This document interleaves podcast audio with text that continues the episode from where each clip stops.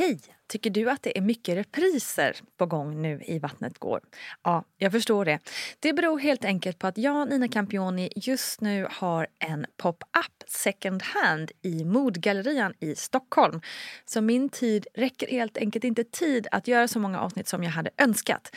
Men tills jag är tillbaka på full tid, kom gärna och hälsa på mig i Modgallerian. Vi ses! Varmt välkommen bästa du. Det är måndag just idag då det här avsnittet släpps. Det kanske inte är måndag när du lyssnar på avsnittet men det spelar ju å andra sidan ingen roll vilken dag det är just idag eftersom vi bara ska få ha det lite gött en stund och lyssna till ännu en spännande historia om moderskap, graviditet och förlossning. Jag som pratar heter Nina Campioni och podden du lyssnar på heter ju Vattnet går. I veckans avsnitt ska vi ta oss hela vägen till Bijilou i Gambia Zambia och ta oss ett snack med Joanna Lemnelius som numera bor där med hela sin familj med barnen Billy, Rio och Nene i spetsen. Joanna driver kläd och inredningsföretaget Mixed Grill Banjo som med sina vackra mönster har fått en stor fanbase där även jag själv räknar mig. Nu ska vi i alla fall tack vare digitala möjligheter få ett snack om stjärnfamiljer, systematisk rasism och att leva utanför normen. Jag ber om ursäkt om ljudet eventuellt svajar till lite då och då och hoppas att ni har överseende med det. Även digitala lösningar kan ju få störningsproblem som ni kanske möjligen är medvetna om. med oss är också som vanligt barnmorskan Gudrun Abascal. Men här är Joanna Lavnelius.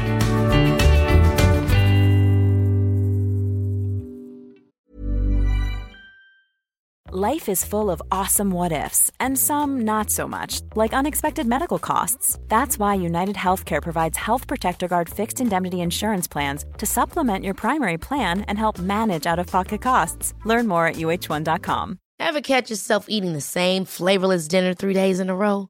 Dreaming of something better? Well, HelloFresh is your guilt free dream come true, baby. It's me, Gigi Palmer. Let's wake up those taste buds with hot, juicy pecan crusted chicken or garlic butter shrimp scampi. Mm. Hello Fresh. Stop dreaming of all the delicious possibilities and dig in at HelloFresh.com. Let's get this dinner party started. Hey, it's Ryan Reynolds, and I'm here with Keith, co star of my upcoming film, If, only in theaters, May 17th. Do you want to tell people the big news? All right, I'll do it. Sign up now and you'll get unlimited for $15 a month in six months of Paramount Plus Essential Plan on us. Mintmobile.com slash switch. Upfront payment of $45 equivalent to $15 per month. Unlimited over 40 gigabytes per month. Face lower speeds. Videos at 480p. Active Mint customers by 531.24 get six months of Paramount Plus Essential Plan. Auto renews after six months. Offer ends May 31st, 2024. Separate Paramount Plus registration required. Terms and conditions apply if rated PG. Quality sleep is essential. That's why the Sleep Number Smart Bed is designed for your ever-evolving sleep needs. Need a bed that's firmer or softer on either side? Helps you sleep at a comfortable temperature? Sleep Number Smart Beds let you individualize your comfort so you sleep better together. JD Power ranks Sleep Number number 1 in customer satisfaction with mattresses purchased in-store. And now, save 50% on the Sleep Number limited edition Smart Bed for a limited time. For JD Power 2023 award information, visit jdpower.com/awards. Only at a Sleep Number store or sleepnumber.com. Hur gick dina tankar kring föräldraskapet innan du blev mamma? Ja, men det var, det var inte planerat, min äldsta dotter, egentligen alls. Men det var välkommet. Så jag var ganska chockad i början, Ja. faktiskt. Eh, men var ändå alltid eh, liksom eh, ja, men bestämd över att det var rätt på något sätt. Ja. Eh, Hur gammal var du då? Pappa, jag var 25. Ja. Alltså jag kände mig på riktigt som att jag skulle vara med i den här serien Unga mammor. Alltså Ja. jag kände mig så ung. Ja. Det var liksom, det var som att jag nästan var så här, det här är sjukt, jag är så. Men jag Ja. hade heller inga kompisar som hade barn. Nej. Eh, Men har insett i efterhand att jag var inte jätteung. Det har Mm. funnits de som är yngre som har fått barn. Det har det, har det. men det var på året. ja, exakt. Nej, men min familj gick igenom ett otroligt eh, trauma precis innan. En av mina kusiner gick bort. Eh, jätteoväntat. Ja. Och eh, jag fick reda på att jag var gravid alltså, precis när det här hade hänt. Och då bodde hela min familj hemma hos min mormor och morfar. Mm. Eh, liksom för att vi hade samlats. Och jag Mm. tänkte verkligen att när jag kissade på den här stickan att så här, okej, this is God. Ja. att jag såg det verkligen som att så här, okej, men nu har jag och min familj fått det här. Ja. Ja. Så det gjorde också att det var som en så här utomjordisk upplevelse. Det var liksom Ja. meningen. Det var liksom meningen. Ja. Billys pappa bor i New York och vi bodde inte ihop då. Så det var också Ja. så här, ja, men det var inte som jag kanske hade föreställt mig att det skulle vara när jag skaffade barn. Just det. Inte den här långa planeringen och lyckliga familjen-viden. Nej, Nej. Nej precis. Men hur funkade det då när han bodde i New York? Var, var han med på tåget liksom? Eller var det mer att du ja, men själv han är ju en liksom, fin människa. Så då var jag också lite så här oro, alltså inte orolig, men jag kände ändå så här, okej, nu ska jag berätta att vi ska barn ihop. Mm. Och han eh, var verkligen alltid så här, jag stödjer dig Mm. till 100 procent. Och det betyder också så himla mycket. Så jag, alltså, hur närvarande eller frånvarande han än har varit så är jag så glad för den graviditeten som han ändå alltid var liksom, stor del av. Fast Mm. han inte var med, för han bodde ju där. Ja, det var ju speciellt men samtidigt perfekt. Ja. Men du hade mycket stöd från vänner förstår jag. Eh, ja, men alltså, ja, fast det blir ju också så om man är självstående att man liksom tvingas till det. Mm. Eller tvingas, men att det var lättare för mig att bjuda in. Som jag säger, jag har ju tre barn. Och hur mycket lättare det var att vara öppen, att ta hjälp, att låta mina vänner ha en nära, relation till min äldsta dotter. Mm. För att det liksom var ni det. Det var liksom, gud vad sjukt att jag kommer bara lägga in engelska ord här. jag ska skärpa mig. Du är inte ens att- du...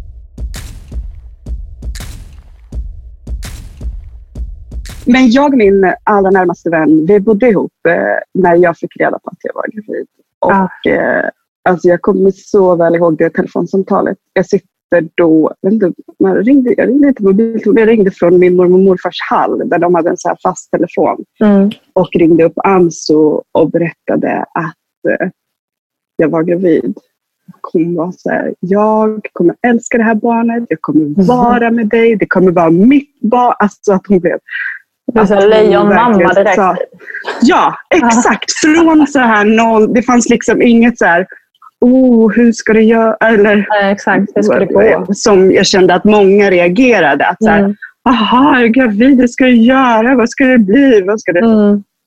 Men det var väl också att hon kände mig och att hon visste att jag, eller hon hörde väl att jag ville. Ja. Mm. Så hon har liksom varit, eh, hon var min klippa hela graviditeten och har varit det alltid. Mm. Och hon har en så speciell relation, underbar relation till min äldsta dotter. Alltså det är det finaste jag har i livet.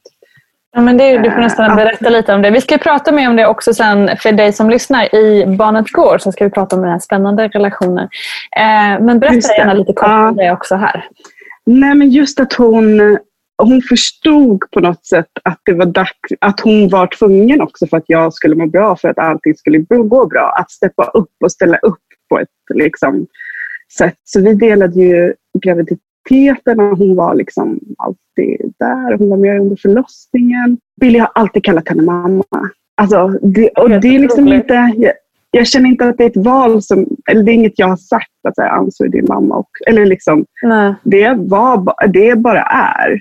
det Och det är sån trygghet att ha en person som heller inte behöver vara i ens, liv, äh, ens barns liv liksom hela tiden och vara den föräldern som typ är jobbig. Men att jag Mm, vet att mm. Billy har någon att prata med Mm. på det sättet. Och att det är sån, jag kan förstå nu när hon är 12, vilken gåva! Ja, alltså jag blev ju helt avundsjuk. Jag tycker det låter helt fantastiskt. Ja, Alltså verkligen. Men hon var en sån stor del av att min graviditet. För att jag hade inte fattat när jag blev gravid. Jag var ändå så här, ah, det finns ju singelfolk som skaffar barn själva. Mm. a- det, är inte, det, det händer liksom. Mm. Men eh, chocken att bli gravid och hur folk reagerade, det var liksom...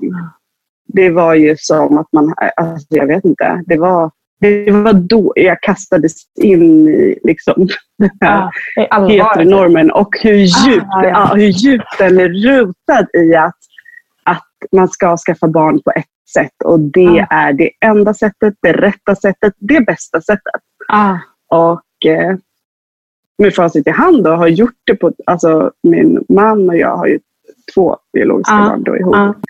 Och att jag är så här, hmm, I don't know vad som var bäst egentligen. Ah. Alltså, på riktigt. Ja, spännande. Vad, liksom, hur, men hur tacklade du den liksom, feedbacken, om man säger så? Var, det, var det jobbigt eller blev du mer så arg? var-? Ja, men på något sätt så var jag var så politisk under den tiden och hade många vänner som var queeraktivister. Och, liksom, Mm. och jag är också glad för det och att jag var så naiv. Kanske Mm. att jag inte trodde att jag skulle få den här, de här reaktionerna.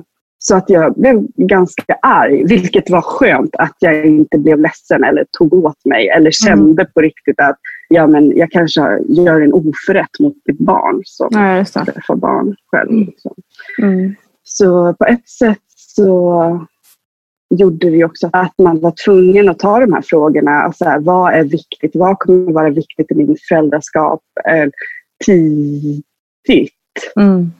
Och på något sätt dela med sig själv. Och tänka så här, men hur löser jag det rent praktiskt? Om det här, eller liksom jag förberedde mig för mycket Mm. under graviditeten som jag känner att jag kanske inte hade gjort om jag bara hade kunnat glida igenom graviditeten i ett parförhållande. Nej, sätt. Mm. Som jag kunde känna att när min dotter väl var född, att jag var liksom hjälpt av. Ja, men det här jag sa, att det var lättare för mig att ta in, att be om hjälp bara. Mm. Och att våga lita på att andra människor också älskar henne och kommer vara lika bra för, eller liksom för, Mm. bra för henne som en biologisk pappa.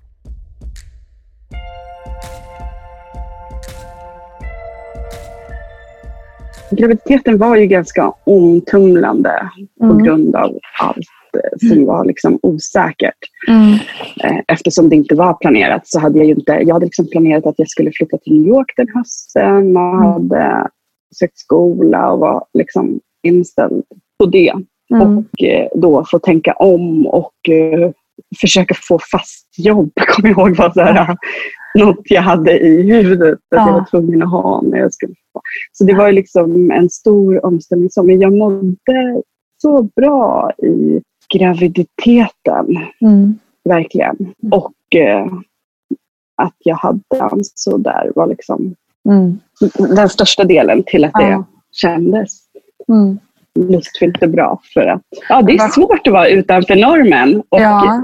och, och kämpa i det på riktigt. Fast man är glad och man är Ja. lika så finns det alltid någon. Jag kände nästan i alla sammanhang man var det var svårt för folk att veta hur de skulle bemöta oss. De ville inte fråga om vi var ihop, men de ville inte...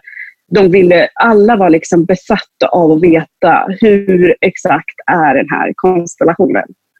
Liksom Ja. För att man bara står ut att vi var två kvinnor som kom in på profylaxkursen. Liksom. Ah, just det. Att man insåg att wow, vi är verkligen utanför normen. Eller- Ja, men det där är så himla intressant. Det är lite så här som att det är typ så här, elefanten i rummet. För att det är så här, man, nu ska vi inte Ja. titta extra på dem, men vi vill ändå Nej. veta. Och liksom, Ja, precis. Och att man nästan kände själv att man säger, oj, jag, liksom en, jag måste nu förklara mig. ja, Att så här, och om man sa så här, ja, hennes pappa bor där och hit och dit, då var folk så här, okej, ja, då. Ja, det ah. Att det, var, det var liksom så obekvämt för människor. att. För Jag hade, inte, jag hade inte kunnat föreställa mig det, Nej. tror jag, förrän vi var ju. Och alla böcker man läser, allting Ja. var ju liksom, kändes som att det utgick från att man var en och kvinna pappa. och att man Mm. var en man. Och man skaffade sitt barn. Mm. Och då det var det så. Ja. Men det är speciellt med Billys förlossning. Jag har ju tre förlossningar, men det är Mm. speciellt med Billys förlossning. Jag har tänkt så mycket på den eh, sen Black Lives Matter-rörelsen. Mm. Det har kommit upp så mycket när man vågar erkänna för sig själv vad ändå utsatt jag var i den Mm. situationen. Som ensam kvinna välja att skaffa barn. Mm. Och hur jag blev bemött under den resan. Som jag liksom inte har velat erkänna för mig själv. Att det här handlade om rasism. Det här handlade Ja. om rasism. Enbart rasism. Och bilden av svarta kvinnor. Som har tagit mig, ja hon är ju 12 nu. Mm. Och jag har läst liksom forskning och jättemycket vittnesmål om människor som kvinnor som också har känt likadant. Att det kan vara så här, oj, wow. Och då är jag ändå en person som tänker mycket på Mm. rasism Mm. och tänker mycket Mm. på saker som Mm. jag liksom har ut. Men man är ju så, det är ju alla så utsatt i den situationen. Mm. Vara gravid och eh, föda barn. Ja, verkligen. Men vad är det, kan du ge exempel på? Ja, men jag, alltså själva förlossningen Mm. var, och hela, just av att bli ifrågasatt på det där sättet. Att här, ska du verkligen skaffa barn nu, så här? Mm. Jag kommer ihåg att min chef, jag jobbade på Danderyd då som sjuksköterska och hon tog in mig. Hon, skulle, hon ville att alla skulle ta influensavaccin. Mm. Och jag ville inte ta det och hade varit så här, mm, no, inte riktigt sagt. Och sen så kallade hon in mig till hennes rum och frågade så här, men du borde ta det här vaccinet. Då sa jag bara, men jag är gravid, jag ska inte ta det. Mm. Och då så vart hon så här helt... Och så hon bara, men okej, men berätta om din situation. Och så sa jag, ja men han, hennes pappa bla bla bla bor i New York. Och vi vet inte, men jag ska ha det här barnet. Det kommer bli toppen. Och så frågade hon mig, vill du ha, vill du ha mitt råd? Mm. Och så sa jag, eh, ja absolut. Och då sa hon, det finns bättre sätt att skaffa barn på. Alltså rätt ut, utan att... Eh, och berättade hon om sin kompis som hade skaffat barn med någon som inte var närvarande, hur jobbigt det var. Och det var liksom, man fick så många sådana kommentarer Mm. genom graviditeten som Mm. var folk som rätt ut säger att man inte tycker att man ska skaffa barn på det här Ja. sättet. Som då under graviditeten leder ju upp till att jag blev ganska... Alltså det var ju också som att jag kände något behov av att så här stålsätta mig. Mm. Att Ja, bara, det förstår jag. Jo, men jag, jag ska det här. Jag kan det här. Mm. Jag kommer bli en bra mamma. Mm. Jag ska klara Man vill för- att det bevisa, liksom. Så, man vill bevisa. Att, Mm. Och att jag jobbade liksom till, jag jobbade till BF Oj. på fre, det var, uh, och var så här, det går bra. Det är Ja, inga det. problem. Ja. Och Precis. ja, det gick ju bra. Det var inga Ja. problem. Men det var ju också så här, jag hade ju också kunnat tillåta mig själv att vila Mm. och vara Mm. trött. Men, Få vara lite gravid liksom. ja, Mm. och få så här, vara ledsen i det, känna alla Mm. känslor man känner, Mm. vilja Verkligen. ångra sig, vilja, alltså så här, som jag tänker att jag kunde gå igenom mina andra två gravi- graviditeter, Ja. där, man, där jag kände att jag kunde tänka mitt i graviditeten, att bara, jag vill inte det här. Fast jag såklart Mm. ville det. Eller, men det fanns liksom inte, det fanns inte utrymme Nej. alls Nej. för det. När man hela tiden får sagt till sig att så här, är det här verkligen bra? Är det här verkligen? Mm. Och folk som säger så här, jag skulle aldrig kunna skaffa barn med- med någon som inte var närvarande. Man bara, okej. Jag skulle aldrig kunna, alltså jag kommer ihåg så många gånger jag tänkte så här, jag ska aldrig kunna vara ihop med din kille. Alltså han verkar vara så men- jäkla... Ja, alltså att jag, man har för... Så hela graviditeten var ju, kan jag se nu, så mycket... Tack! Verkligen. Det, det känns skönt att veta. ja, exakt. Ja, men det var liksom mycket ett stålsättande av Ja. att eh, så här, jag klarar det här. Och jo, men i det att jag jobbade till sista, alltså jag, till två dagar innan hon föddes. Mm. Och när förlossningen startade så var jag också att jag hade liksom läst så mycket. Och i och med att hela tiden har blivit tillsagd att så här, det här kommer bli jobbigt, hur ska du klara det här, det här kommer vara så. Så hade jag föreställt mig att allting med graviditet och med förlossning skulle vara... Jag hade liksom inte ens tid att vara glad eller njuta på ett sätt. Eh, och jag hade liksom stålsatt mig för förlossningen att det här skulle bli så otroligt jobbigt. Det var liksom min... Alltså att det har tagit mig den här tiden så kan jag se att jag gjorde så mycket jobb själv. Mm. Liksom innan jag kontaktade vården eller innan jag... För att det nästan blir som en... Jag vet inte, men när man blir ifrågasatt på det där sättet, i så här djupaste känslor på ett sätt, när folk Mm. säger att det här är nog inte perfekt sätt Nej. att skaffa ett barn. Det här, alltså hela tiden. Då blir det ju som att, även fast jag var liksom lyckligast i världen inombords, Mm. men att höra det hela tiden från allt i samhället, Mm. Så blir det ju som att man inte riktigt litar på sin egen Nej, det förstår jag. Eller, man litar inte, jag litar inte på min egen kropp nästan när förlossningen Nej. satte, satte igång. Mm. Jag väntade liksom in i det sista Mm. med att åka in till sjukhus. Och alltså då kom in till förlossningen. Mm. Vi var bara, innan Billy föddes, så var, vi var bara på sjukhus i 30 minuter. Och då hade jag ändå haft verkar i 12 timmar hemma. Åh, jäklar. Så det var inte att förlossningen gick fort egentligen, Nej, som jag har tänkt på det. Utan det var att, Att du var gjorde det själv. ja, verkligen. Men när vi kom in då, också som man ser ut när man har haft verkar i 12 timmar. Man är ju inte välkammad eller välklädd eller Nej. bra på att prata med folk överhuvudtaget. Nej, gud. Antar jag att ingen är. Men hur vi blev bemötta var en sån chock. Men gud, berätta. Eh, eh, jo, men vi kom in och jag hade ju kraftigt verkarbete och täta verkar och vi fick sitta och vänta. De hade liksom inte tid för oss. Trots att jag, vi hade ringt, vi hade haft kontakt med dem under verkarbetet. Och, men när vi väl kommer in så får vi sitta på en bänk i receptionen och vänta i vad jag tycker känns som, alltså vi var ju bara där en halvtimme så det kan ju inte ha varit en evighet. Men det känns Nej, men i det läget är det ju verkligen det. Alltså, herregud. Ja, det känns som en helt, det känns som jag sitter där i 15 timmar. Ja. Och eh, jag var väl arg antar jag. För att ingen, jag kände att ingen lyssnar. Att jag, min bild var att jag kommer komma in, jag kommer bli undersökt. Jag, var, jag var ju så besatt av att veta så här, hur öppen är jag? Ja, Alltså, ja, jag vet. ville liksom- Ja, det är man ju. Ja, för det, ja, var någon, det var liksom, då vet jag ungefär hur. Men, och de är bara så här, ni får vänta på er tur. Alltså så okej. liksom snäsigt. Mm. Och att jag då vände mig inåt och eh, jag slutade prata och fokusera bara på att hantera mina verkar. Mm. Och jag hör ju Anso typ, jag hör hur hon skriker eller är liksom arg. Att så här, Mm. nej men mm, vad fan håller ni på med? Vi måste få ett rum nu. Mm. Och så får vi ett rum. Och barnmorskan kommer in och säger hej och välkommen. Här har du lite blåbärssoppa. Du, ska, du behöver ha lite energi, tror vi. Jag ska komma tillbaka och undersöka dig.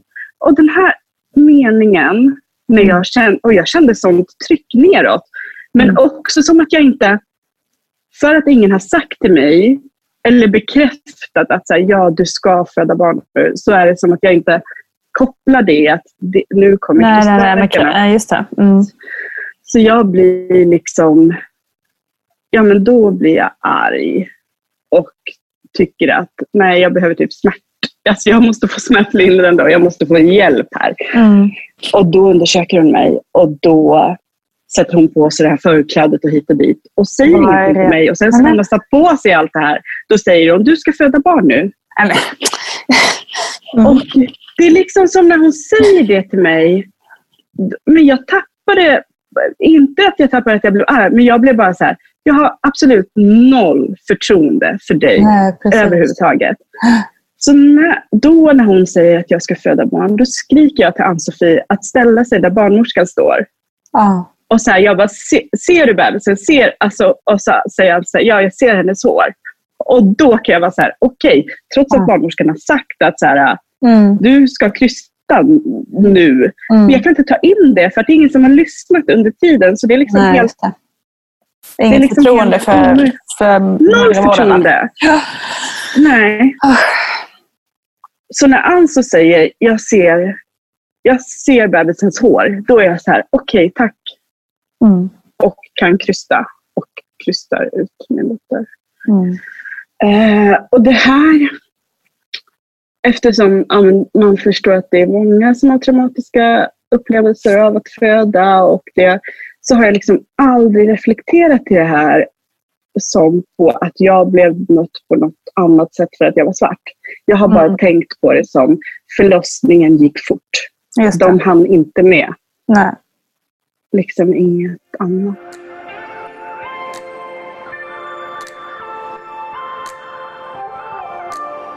Men det var någonting som hände efteråt. Att jag fick en sfinkterruptur mm. och behövde sys på operation efteråt. Mm. Och så då dagen efter när vi har kommit till BB. Och jag jobbade på mag-tarmkirurgen mm. när det här, alltså då. Och var ganska insatt i, vi jobbade mycket med förlossningsskador som behövde operation efteråt. Så jag var ganska insatt och hade liksom mm. varit väldigt tydlig med i mitt här förlossningsbrevet att jag ville att man skulle använda finska greppet. Just det. Alltså att man, ja. Du, vad är det här finska greppet egentligen? Ja, alltså det är en jättespännande fråga. Helt plötsligt så kommer inländarna införande. Ja. Nej, men alltså, finska grepp det är ju någonting där att skydda perineum, mellangården, för att kvinnan ska brista så, så lite som möjligt. Och det här har väl genom tiderna funnits olika grepp och nu är det finska greppet som, som är aktuellt. Och eh, det går ut på alltså att man ska styra under själva utdrivningsskedet när, när kvinnan krystar så ska man styra barnets huvud att inte pressa så mycket på mellangården, för det är där bristningen uppstår. Mm. Så därför så, så finska greppet går ut på att med tummen och pekfingret och de andra tre fingrarna i, i handen så pressar man mot mellangården så att, och styr då barnets huvud att, kom, att åka uppåt och inte rakt fram. För åker du rakt fram då pressar du rakt på mellangården men om man kan pressa barnet uppåt så kommer det mer mot själva slidöppningen. Mm, okay. Eh, och det, här har, det finns andra grepp som Rittgens grepp och C-greppet och olika, man har olika, mm. olika namn. Men principen är densamma, att pressa barnets huvud mot mellangården och styra mer, mer uppåt. Det finns inga studier idag, som även om nu media har sagt att det här är lösningen på problemet, men det finns inga studier som visar att enbart finska greppet skulle eh, minska antal bristningar, utan det är så många andra saker som är viktigt, tycker vi som jobbar med det här. Och det är till exempel att det är viktigt att att eh, själva sista biten när barns huvud börjar skymta, att det går väldigt långsamt. Att, så att vävnaderna får tänja på sig och att barnets huvud åker tillbaka mellan varje gång som man krystar så att man får den här effekten att att när det inte värks så ökar genomblödningen i mellangården och så kommer då verken och krystar man på så pressar och så håller man. Så att, mm.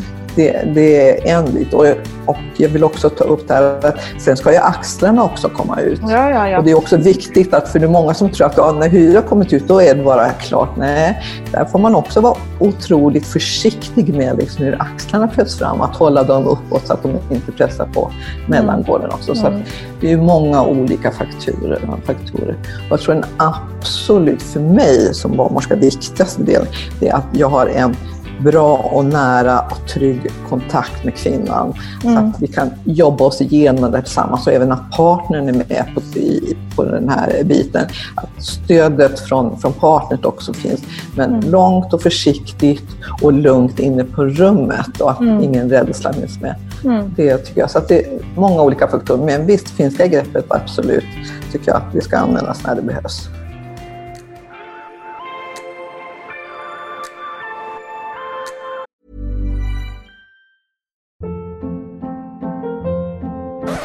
Hold up. What was that? Boring. No flavor. That was as bad as those leftovers you ate all week. Kiki Palmer here, and it's time to say hello to something fresh and guilt-free. Hello Fresh. Jazz up dinner with pecan-crusted chicken or garlic butter shrimp scampi. Now that's music to my mouth. Hello Fresh. Let's get this dinner party started. Discover all the delicious possibilities at hellofresh.com. Hey, Dave. Yeah, Randy. Since we founded Bombus, we've always said our socks, underwear, and t shirts are super soft. Any new ideas? Maybe sublimely soft. Or disgustingly cozy. Wait, what? I got it. Bombus. Absurdly comfortable essentials for yourself and for those facing homelessness. Because one purchased equals one donated. Wow, did we just write an ad? Yes. Bombas. Big comfort for everyone. Go to bombas.com slash ACAST and use code ACAST for 20% off your first purchase. Hey, it's Ryan Reynolds, and I'm here with Keith, co star of my upcoming film, If, only in theaters, May 17th. Do you want to tell people the big news? All right, I'll do it. Sign up now and you'll get unlimited for $15 a month in six months of Paramount Plus Essential Plan on us. Mintmobile.com slash switch. Upfront payment of $45 equivalent to $15 per month. Unlimited over 40 gigabytes per month. Face lower speeds. Videos at 480p. Active Mint customers by 531.24 get six months of Paramount Plus Essential Plan. Auto renews after six months. Offer ends May 31st, 2024. Separate Paramount Plus registration required. Terms and conditions apply if rated PG. Here's a cool fact a crocodile can't stick out its tongue. Another cool fact you can get short term health insurance for a month or just under a year in some states. United Healthcare short term insurance plans are designed for people who are between jobs, coming off their parents' plan, or turning a side hustle into a full time gig. Underwritten by Golden Rule Insurance Company, they offer flexible, budget friendly coverage with access to a nationwide network of doctors and hospitals. Get more cool facts about United Healthcare short term plans at uh1.com. Hey, it's Paige DeSorbo from Giggly Squad. High quality fashion without the price tag? Say hello to Quince. I'm snagging high end essentials like cozy cashmere sweaters, sleek leather jackets, fine jewelry, and so much more. With Quince being 50 to 80% less than similar brands. And they partner with factories that prioritize safe, ethical, and responsible manufacturing. I love that. Luxury quality within reach. Go to quince.com slash style to get free shipping and 365 day returns on your next order. Quince.com slash style. Men det bortsågs liksom helt. Alltså, dels att jag hade fått den här rupturen, men jag var så jag måste prata med den här barnmorskan och hade så här, pratat med Anse och hon var också så här, men hur vi blev behandlade, det här var Mm. det sjuka. Alltså att vi hade Mm. liksom båda på något sätt bekräftat att så här, det här gick inte riktigt top notch till. Nej. Och eh, hade samlat mod till mig där på BB och pratat med den och att jag var så här, jag vill ha ett möte med hon som var med. Mm. eh, Therese. Och eh, hon var liksom jättegullig och sa ja, men det tycker jag absolut att du ska. Så eh, skriv ner dina frågor och så ska jag be henne komma vid tillfälle. Mm. Och eh, hon kom oannonserat då. N- Precis när Ann-Sofie har gått, som jag ville, jag kände att jag så behöver, jag ville att hon skulle vara med Mm, på det här. jag. Som också hade varit med i rummet. Och Mm. eh, Det var liksom, och så då kommer hon när min lillebror är på besök. Mm. Och eh, hon bara antar att han är Billys pappa. Jaha, Och jag säger okej. Grattis, åh, du hann inte med men åh, hon är så gullig. Och, både jag och min lillebror känner så här, åh, orka palla. Man är med om sådana situationer ganska Mm. Ja. mycket som sagt. Ja. Att, det är svårt att se skillnad på människor. Så vi säger liksom ingenting. Och sen börjar hon prata om förlossningen. Och jag Mm. märker att hon är så här, oh, eller hon känns nervös på något sätt. Okej. Eh, och hon börjar prata om den här sfinkterrupturen, om hur mycket jag har blivit sydd och att jag ska, ja, allting man ska vara försiktig med och att det antagligen kommer bli bra, vad jag kommer få för hjälp. Och jag var ganska opeppad på att ha det här samtalet om hur jag ska med min lillebror. Det, det kändes Mm, inte mm, som att mm. jag ville inte det. Jag Nej. försökte typ, mm, ja, okej. Och hon märker ingenting och sen så går hon in och pratar om förlossningen och säger att Nej men, ja det var svårt för oss att utföra vårt jobb. Mhm. Så ko- går vi vidare och säger att det var svårt för att eh, du var så aggressiv. Mhm. Så vi, vi kunde helt enkelt inte göra vårt jobb riktigt. Va? Och den här kommentaren eh, var liksom som en... Alltså jag var så... Och jag kände sån skam. Det första jag kände var bara skam. Och jag liksom känner att ja, men allt då, att jag blev arg där i receptionen, att jag ville slänga den här blåbärssoppan på henne. För mig var det så naturligt. Och att min bild var att hon skulle komma och säga så här, vi förstod inte att du var så långt gången och att du, att du hade så... Vi förstod inte det. Det var liksom det jag trodde. Det kan inte komma något annat Ja, exakt. i det här samtalet. Så jag kände sån skam att jag var så här, ja, jag var aggressiv. Ja. Jag ville slänga den här blåbärssoppan och jag ville skrika Mm. till dem att de var dumma i huvudet. Alltså, Mm.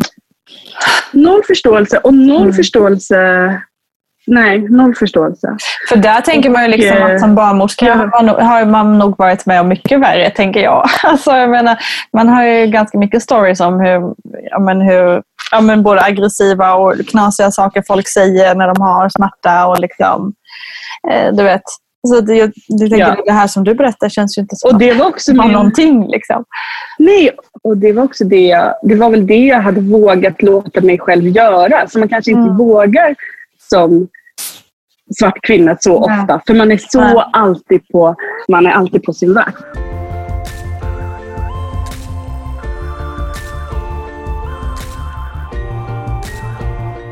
Jag kände liksom att ja, det ble, då, jag blev nog bemött så här för hur jag agerade.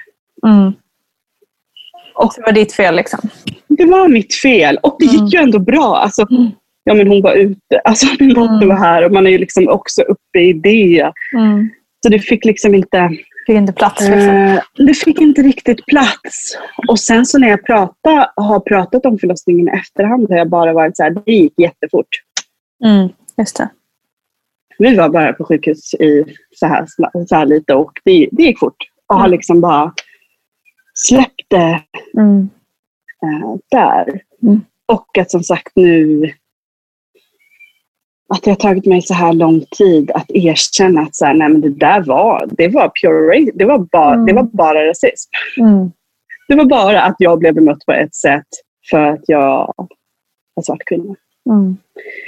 Känns det Eh. jobbigare eller känns det liksom renande på något vis att få det klart för sig? Förstår du vad jag menar? Nej, men det, det, ja, men det som känns eh, på något sätt är ju att nu har jag läst alltså att jag önskar att jag hade gått in i den här förlossningen kanske med att ha läst forskning om ja, men hur ofta svarta människors smärta misstolkas.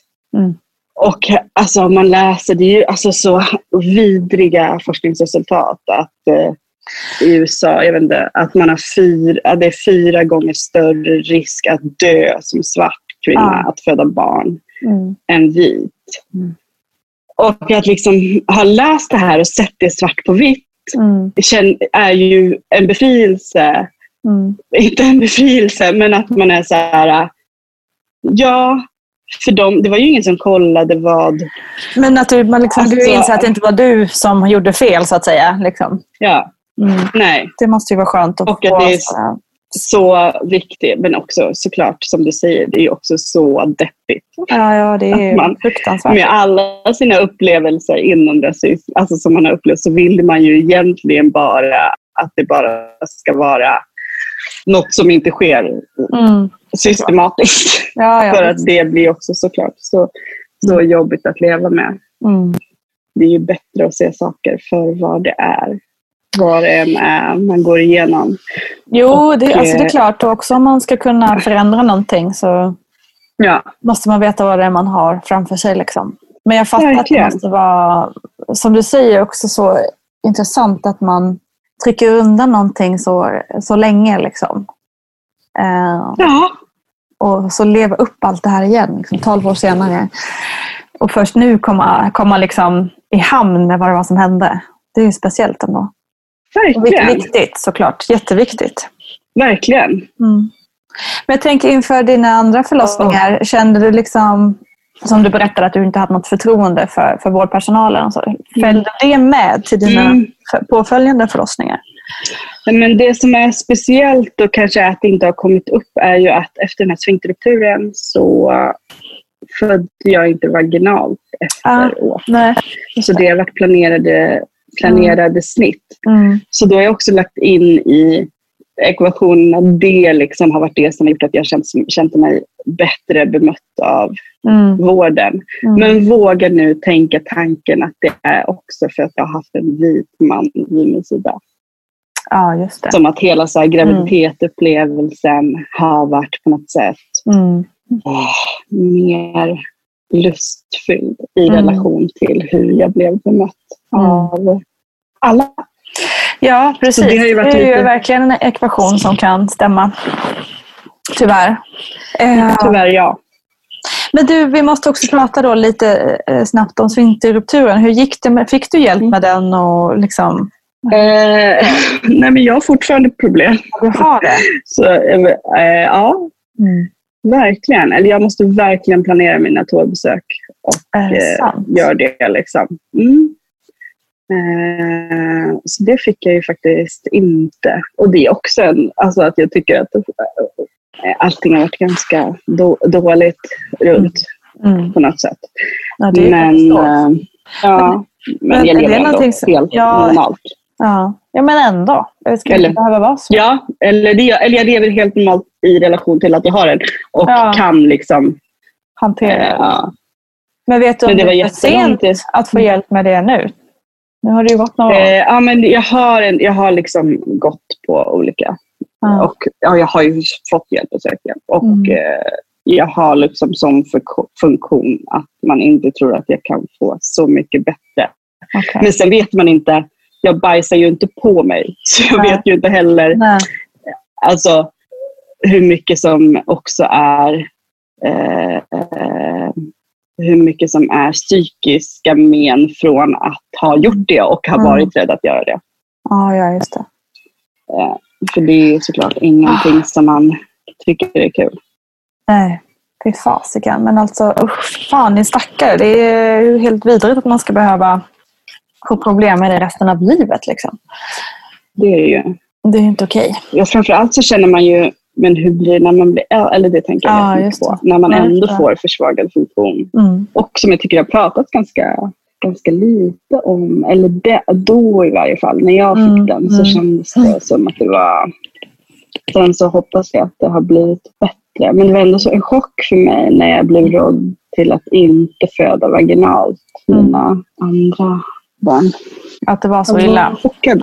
Mm. Ja, men precis. Mm. Och det behöver ju inte... Men jag funderar på mycket om jag skulle få ett till barn. Mm. Hur jag skulle vilja göra. Mm. För det behöver ju inte betyda att man får ännu en försämrad funktion. Ja, jag vet inte. Nej.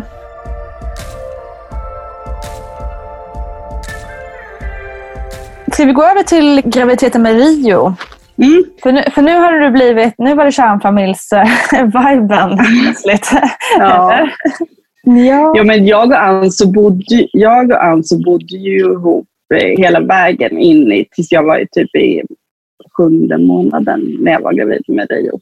Ja, okej. Eh, ja, så jag och Simon hade inte flyttat ihop när vi Nej. Skulle skaffa och Så det var fortfarande inte riktigt exakt enligt samhällets normer. Nej, det var det faktiskt inte. Det är bra. Nu krigar Men sen någonstans mitt i graviditeten så ja, flyttade jag och Simon ihop. Mm. Jag Anso sålde vår lägenhet och hon flyttade ja, närmare. Men var det likadant då att ni fick mycket frågor kring det? Liksom? Eller var det Eh, lugnare den här eh, gången? det var absolut lugnare. Mm. Och då var ju vi tre i det här, så jag kommer ihåg Ja. att vi typ kunde skratta när han som Anso var med. Hon fick inte vara med inne, inne på salen där snittet var, men hon fick liksom vara på uppvaket dit Ja, efteråt. Och det var... Ja, alltså det var mycket mer att vi kunde vara avslappnade Mm. i det och Mm. inte tycka att det var jobbigt. Eller det var bara så här, ja, så här är det och folk tyckte det var konstigt och vi bara så här, ja, ja, well. Mm. Det var liksom inte... Vi blev inte ifrågasatta på Det var inte alls liksom. på samma... Nej, vi Nej. blev inte ifrågasatta på samma sätt. skönt. Inte alls. Faktiskt. Ja, man vet inte om det var skönt eller om det var... Men det var det verkligen. Men det känns ju också så, depp... så deppigt. Ja. Ja, så då var, eftersom det var planerat snitt så var ju hela upplevelsen så otrolig. Det är ju verkligen så här, du kommer in 7.30, klockan Ja. 8.45 kommer Ja. du få det här. 9.15 kommer du vara nere. 9.20 kommer vi. så att det var så himla, det går inte att jämföra. Det var liksom en så lugn upplevelse på Ja. något sätt. Eh, eftersom allting är så planerat. Jo, men precis. Fann du någon trygghet i det eller kändes det bara så här, gud, mekaniskt knasigt liksom? Nej, det, men jag tyckte att eftersom det andra var så himla knasigt på något sätt, eller Mm. knasigt, det var så dramatiskt, Mm. så kändes det här eh, jättetryggt. Men jag var också jätteledsen för att jag inte kunde få, att jag inte fick föda, eller att jag blev Mm. rådd till att inte föda vaginalt. Jag var liksom ledsen över det. Mm. Jag hade väl också på något sätt hoppats att jag... Jag vet inte vad jag hade hoppats, men det var bara att bli tillsagd och få det. Då var det som att valet kändes inte som att det var mitt. Nej, Och på något sätt så hade jag väl kanske någon bild av att jag skulle... Jag vet inte. Vila med det här den här gången. Så jag var ganska ledsen ganska länge för att Mm. det skulle bli snitt. Men sen kände Men det är ganska klassiskt att man liksom har någon känsla av att man vill få revansch, liksom, få en bättre upplevelse. Mm. Så det, det är ganska vanligt tror jag, att man känner så. Ja, eller hur? Men sen vart jag tillfreds med det. Och det Mm. var toppen Mm. Vad skönt. faktiskt. Ja, och kände ingen när hon väl hade kommit, eller när jag var där, att Mm. jag hade velat att det här skulle ske på något annat sätt. Nej, Utan var bara faktiskt nöjd. vad skönt. Ja. Vad, hur, hur, hur har du upplevt med anknytningen med dina barn? Har du känt någon skillnad där med kejsarsnittet och första förlossningen? Nej, absolut inte. Nej. Nej. Har du fått liksom, har det varit så här instant um, kärlek? Och, eller hur har du känt det? Jag känner inte att jag trodde att jag skulle få upp mina barn på bröstet med alla tre egentligen. Och att Mm. då, ja men du vet, jag skulle höra fågelkvitter och skulle vara... Mhm, mhm. Men det var inte så. det var inte så för mig. Eh, faktiskt. Just precis där och då. Nej. Nej. Men jag, så det har behövts lite, och att jag i varje fall med mitt första barn var så förvirrad i att jag tänkte att så här, jag tänkte så mycket på att oro var, för jag var noll orolig att hon skulle dö. Mm. Eller att hon skulle, alltså som jag förstod att många andra mammor kände. Mm. Och att jag då kunde känna som de här andra mammorna på BB som inte, som tror att något ska hända deras barn hela Mm, tiden. Att mm. jag liksom trodde att det handlade om kärlek. Och Ja, det det. tog mig ett bra tag att sluta känna skuldkänslor i Ja. att jag inte trodde att hon skulle sluta andas Mm. abrupt. Mm. Jag kunde mig känna liksom förvirrad i mina egna känslor på något sätt. Dina andra två, två graviditeter. För första mådde du ju bra förstår jag och liksom mer fick Mm. fokusera på kampen och försvara dig själv liksom rent mentalt. Mm. Men hur, Mm. eh, Du sa också att det var lite skillnad när du hade en kille och han var dessutom vit och så Mm. vidare. Hur, hur var dina Mm. graviditeter i det här? Liksom? Ja, men jag känner ju att jag tillät mig själv att må sämre. Som jag Mm. inte vet om det Mm. handlar om att jag mådde sämre Just det. egentligen. Eller om det var... Utrymme. Nu kände jag liksom att jag hade det utrymmet. Ja, Ja, ja. precis. Ja. Så då kunde jag ju på ett annat sätt eh, leva ut det.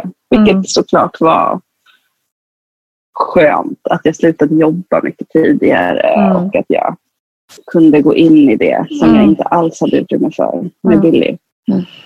Ja, men precis, Men man kanske ju- är lite enklare också att inse att det inte är en svaghet att man liksom är eh, liksom fullt gravid och bara inte orkar andas. typ.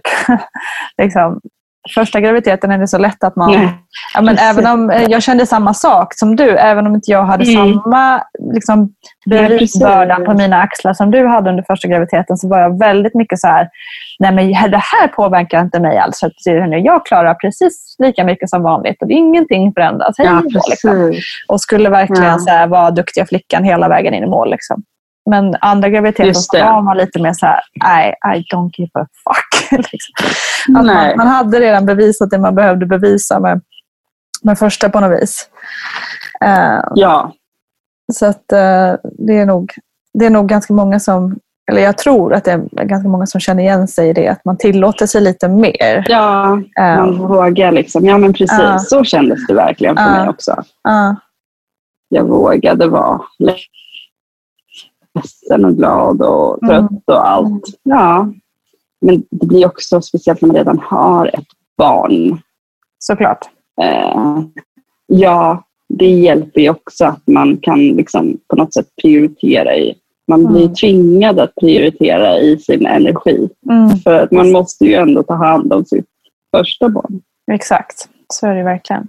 Jo, men jag tror jag tycker det var lättare till och med med, med tredje graviditeten. Ja. För då kunde jag nästan säga till Billy och Rio att så här, nej men jag orkar inte, jag är så gravid. Och Nej, det kände jag inte riktigt att jag kunde göra till Nej. första barn. Eller liksom, ja. Hur, hur kände du inför um, Nenne sen? För det blev ju också planerat kejsarsnitt och du blev ju lite besviken att det blev det med Rio. Hur kände du inför tredje barnet? Men då var jag nästan inställd på det. Så Ja. då var det liksom, det var, var inte som en chock. Eh, då hade jag nästan tänkt att, och eftersom jag hade en positiv upplevelse av det första kejsarsnittet så var det liksom nästan att jag ville det och, och såg Mm. att det var, ja. Så det, det kändes inte, det kändes som att det var så min målbild var. Ja. I varje program så brukar jag be eh, den jag intervjuar om tips och råd om olika saker. Och så jag tänker lite så här, Mm. apropå det som du upplevde mycket med, i förlossningen med Billy. Liksom att du eh, ja, helt Mm. enkelt blev rasistiskt bemött. Vad skulle du säga till andra svarta kvinnor eller women of color? Mm. Hur ska man tackla det om man befinner sig i en sån situation? Jo, men det som... Eftersom jag, man håller på att förbereda sig mycket inför förlossningen Mm. så tror jag att eh, jag hade önskat att jag hade tagit del av forskning innan. Så jag hade Mm. vetat att jag har någonting att stå på. Att se att så här, jo men svarta kvinnor blir behandlade på ett annat sätt. För att då våga, li- och våga lita på sin upplevelse. Mm. Och om någon ifrågasätter din upplevelse, våga säga till den och till dig själv att så här, men din Mm. upplevelse är din upplevelse och Mm. den kommer från strukturell rasism Mm. och det, det är en mekanism i det att få, människor inte vill eh, inte vill erkänna. Man Mm. vill gaslighta, jag vet inte om du... Mm. Alltså, Mm. Att man vill få människor att inte lita på sin egen upplevelse. Ja. Det ingår i det. Att kunna se det Mm. tror jag hjälper Mm. för att ja, men, vå- alltså, våga lita på sig själv helt enkelt. Mm. Så ta del av forskningen, läsa andra svarta kvinnors upplevelser, se problem i hur vårdpersonal inte ofta misslyckas med att eh, eller ta in svarta människors smärta. Det finns Mm. mycket fördomar om att svarta människor inte känner smärta på eh, samma sätt. Att våga se det tror jag att Mm. eller har både jag och Ansu pratat om, om att Mm. hon och den som ska vara med dig på förlossningen, att Ja, den precis. också är Det är superviktigt, och har tänker jag. förståelse i de här mekanismerna. Exakt, Ja. för det är ju väldigt Som ofta jag som jag menar, den födande inte riktigt kanske ens har kraften att eh, liksom, eh, absolut inte ta diskussioner i ett förlossningsrum eh, och, och liksom, kanske inte ens orkar eller ja, kan se det som sker. Liksom. Så det är superviktigt att den som följer mm. med har, har koll på det här också naturligtvis. Eh, jag är jättetacksam att du ville vara med och prata om dina förlossningar all the way from Gambia. Bra. Tack. Hej. Hej. Tusen tack Joanna Lemnelius. Så otroligt fint att få höra din syn på familjelivet i synnerhet men också om livet i stort. Väldigt inspirerande. Tack också till dig som lyssnat och jag ber återigen om ursäkt för om ljudet inte riktigt var upp till normala standards. Men storyn, ja, den är ju lika mäktig ändå. Ha nu en riktigt bra dag. Puss och kram och glöm inte mammagruppen på Facebook. Jiha!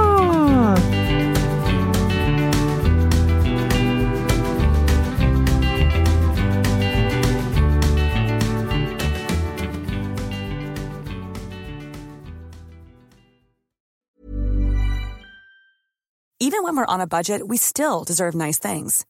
Quince is a place to scoop up stunning high-end goods for 50 to 80% less than similar brands. They have buttery soft cashmere sweaters starting at $50, luxurious Italian leather bags, and so much more. Plus, Quince only works with factories that use safe, ethical, and responsible manufacturing. Get the high-end goods you'll love without the high price tag with Quince. Go to quince.com/style for free shipping and 365-day returns. Hold up. What was that? Boring. No flavor. That was as bad as those leftovers you ate all week. Kiki Palmer here, and it's time to say hello to something fresh and guilt-free. Hello Fresh. Jazz up dinner with pecan-crusted chicken or garlic butter shrimp scampi. Now that's music to my mouth. Hello Fresh. Let's get this dinner party started. Discover all the delicious possibilities at hellofresh.com.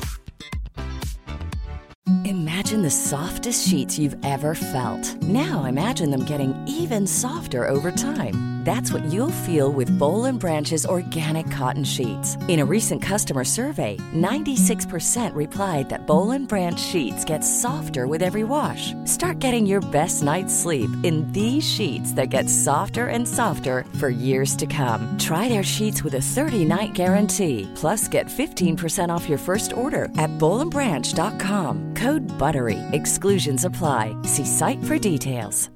Hi, I'm Daniel, founder of Pretty Litter. Cats and cat owners deserve better than any old-fashioned litter. That's why I teamed up with scientists and veterinarians to create Pretty Litter. Its innovative crystal formula has superior odor control and weighs up to 80% less than clay litter.